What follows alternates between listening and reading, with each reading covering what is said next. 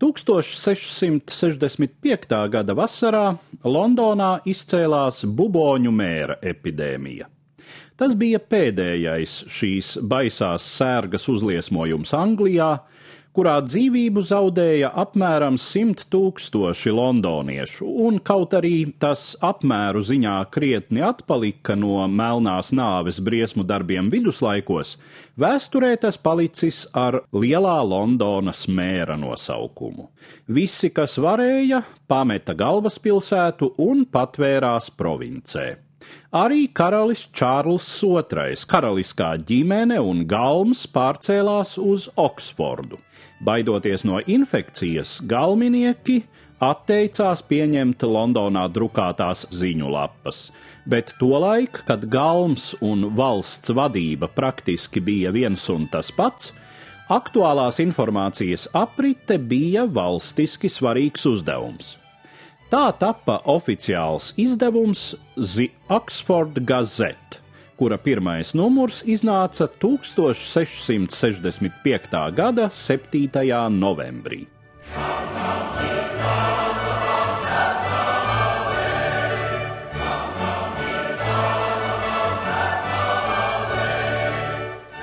Par jaunizveidotā izdevuma pirmo vadītāju kļuva Henrijs Madimens. Laikam gan tobrīd prominentākais britu politikas apskatnieks, kurš ap šo pašu laiku ieguva valdības un parlamenta ziņotāja monopoltiesības. Šādas monopoltiesības valsts lietu atspoguļošanai presē bija tolaik vispār pieņemta prakse un ne jau Anglijā vien. Kad sērgai norimstot, karalis un galms atgriezās galvaspilsētā, avīze turpināja iznākt tur, nu jau ar nosaukumu The London Gazette. Apzīmējums gazete angļu valodā pārņemts no franču valodas, kur savukārt ieviesies no itāliešu valodas. Gazeta bija neliela nomināla Venecijas republikas monēta, un vienu gazetu maksāja 16. gadsimtā drukātās pilsētas valdības ziņu lapas, kuras vēl nevarēja uzskatīt par laikrakstiem mūsdienu izpratnē. Pirmie laikraksti radās Vācijā 17. gadsimta sākumā. Nākamajās desmitgadēs, līdz ar drukas tehnikas attīstību, tie izplatījās arī citur Eiropā. Franču Lagazette Parīzē sāka iznākt 1631. gadā, taču Anglijā pa daļai valdības strikto ierobežojumu dēļ, pa daļai tāpēc, ka izdevējiem piemērotāks šķita brošūru un bukletu formāts, The Oxford Gazette praktiski bija pirmais īstais laikraksts.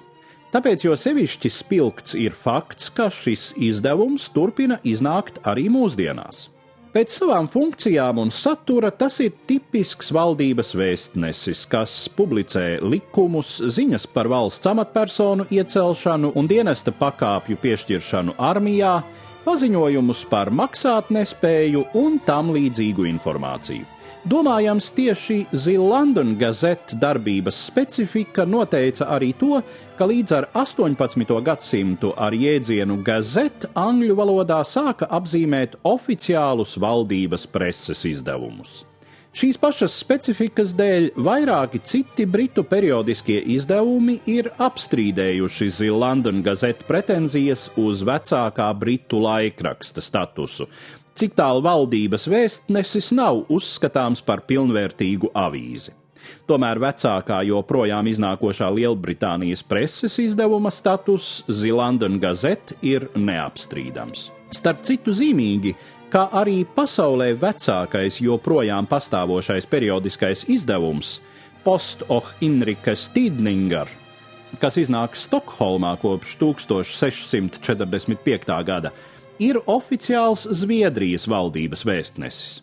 Tiesa, kopš 2000. gada tas tiek publicēts tikai elektroniskā formātā. Stāstīja Eduards Liniņš.